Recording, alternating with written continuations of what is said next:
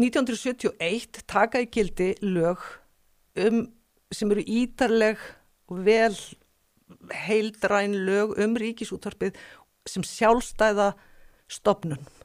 og hún er, hún er hérna og þá er hún í raun og veru menningarstofnun. Hún hefur þetta tiltekna hlutverk eins og þjóðleikúsið hefur tiltekki hlutverk sem snýrað leiklist. Þjóðminnarsafnið hefur tiltekki hlutverk sem snýrað einhverju þeim efnum og, og ríkisúttarpið var þannig menningarstofnun. Og, og hérna svo þegar að, þegar að nýju útastöðarnar koma og nýju sjónastöðarnar og allt það og svo setna internetið og,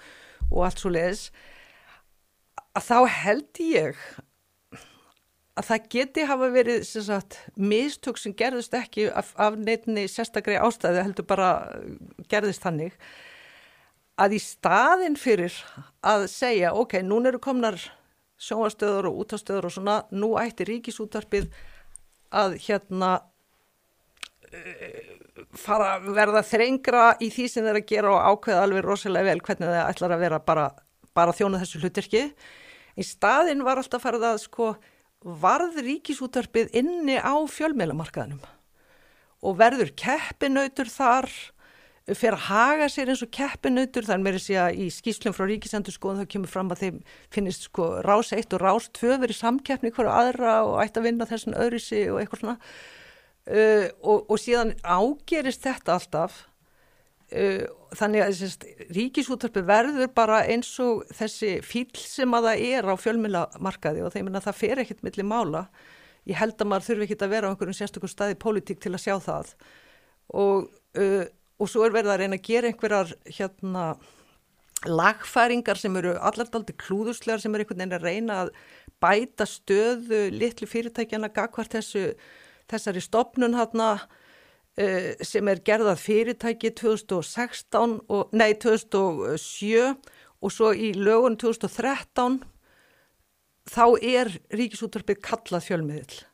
og þá er ekki lengur bara verið að sagt, tala um ríkisúttarpið sem fjölmiðil, það er bara búið að gera það að fjölmiðli. Eh, En, en ég með það er fjölmiðil? Já, það fyrir bara eftir hvernig skilgarinn fjölmiðil, mér að það eru til aðtúasendur um það að skilgrinning á fjölmjölum sé bara ekki neitt sérstaklega skýr og ég menna hvað gerir eitthvað að fjölmjöli e, ef að ríkisúttarpi liti ekki á sig sem fjölmjöðil heldur útgefanda þá myndan kannski vinna öðru sig e, ég er ekki með svör við öllu þessu en ég veit til dæmis að alþingi gefur út fullta efni en það er ekki fjölmjöðil mm -hmm. skilur við, það eru uh, hérna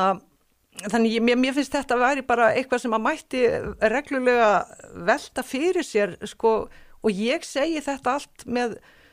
sko með því út frá því sjónarmið að mér finnst að eiga vera til ríkisútvarp og ég held að þjóna alveg rosalega mikilvæg hlutverki en það á að vera hægt að tala um það það er gríðilega mikilvægt að sé hægt að tala um það. Og, og, og hérna þegar að það er orðið fjölmiðil þá er lagt beinlýnis á herðaríkis útarsins að starfa sem fjölmiðl og það er alltaf verið að tala um hvaða er vond fyrir fjölmiðlamarkaðin að hafa ríkisútvarpið þarna en ég ætla, ég ætla að bæta því við að það er kannski líka vond fyrir ríkisútvarpið. Að vera orðið sko klófið eiginlega í herðan niður það er eiginlega með tvö höfu þá annars vegar á það að vera, já að vegna þess sem er mjög mikilvægt í þessu í öllum þeim breytingum sem hafa orðið á ríkisúttarpinu, nýlög og eitthvað svo leiðis,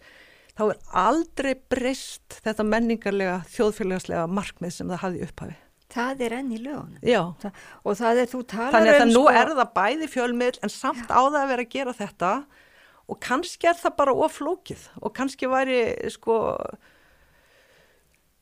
Já, bara, mér finnst bara um að gera að tala um þetta og tala um þetta í friði og í, í sko, með jákvæðinni skilur með það markmið að náu sínu fram en ekki, og við fáum það út úr því sem að þjóðin á að fá út úr því en ekki vera að gera það rifrildisefni.